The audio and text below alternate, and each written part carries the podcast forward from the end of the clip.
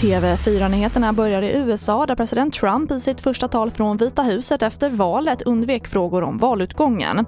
Talet handlade istället om försöken att få fram ett vaccin mot coronaviruset. Samtidigt visar rösträkningen att Joe Biden besegrat Trump med 306 elektorsröster mot Trumps 232. Och här hemma har en explosion inträffat i Uppsala vid sextiden nu på morgonen. Något detonerade i ett trapphus i stadsdelen Salabacke.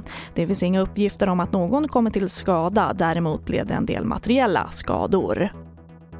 Och Svenska kyrkan fortsätter tappa medlemmar vilket slår hårt mot ekonomin. Och coronapandemin har förvärrat krisen. Kyrkan räknar nu med att kostnaderna måste kapas med 1,4 miljarder kronor de närmsta åren.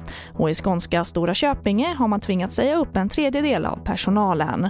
Medlemsavgifterna som vi får in då från församlingsborna täcker inte lönerna och täcker inte alla de kostnader som vi har och då kan man ju inte fortsätta och ha den verksamheten.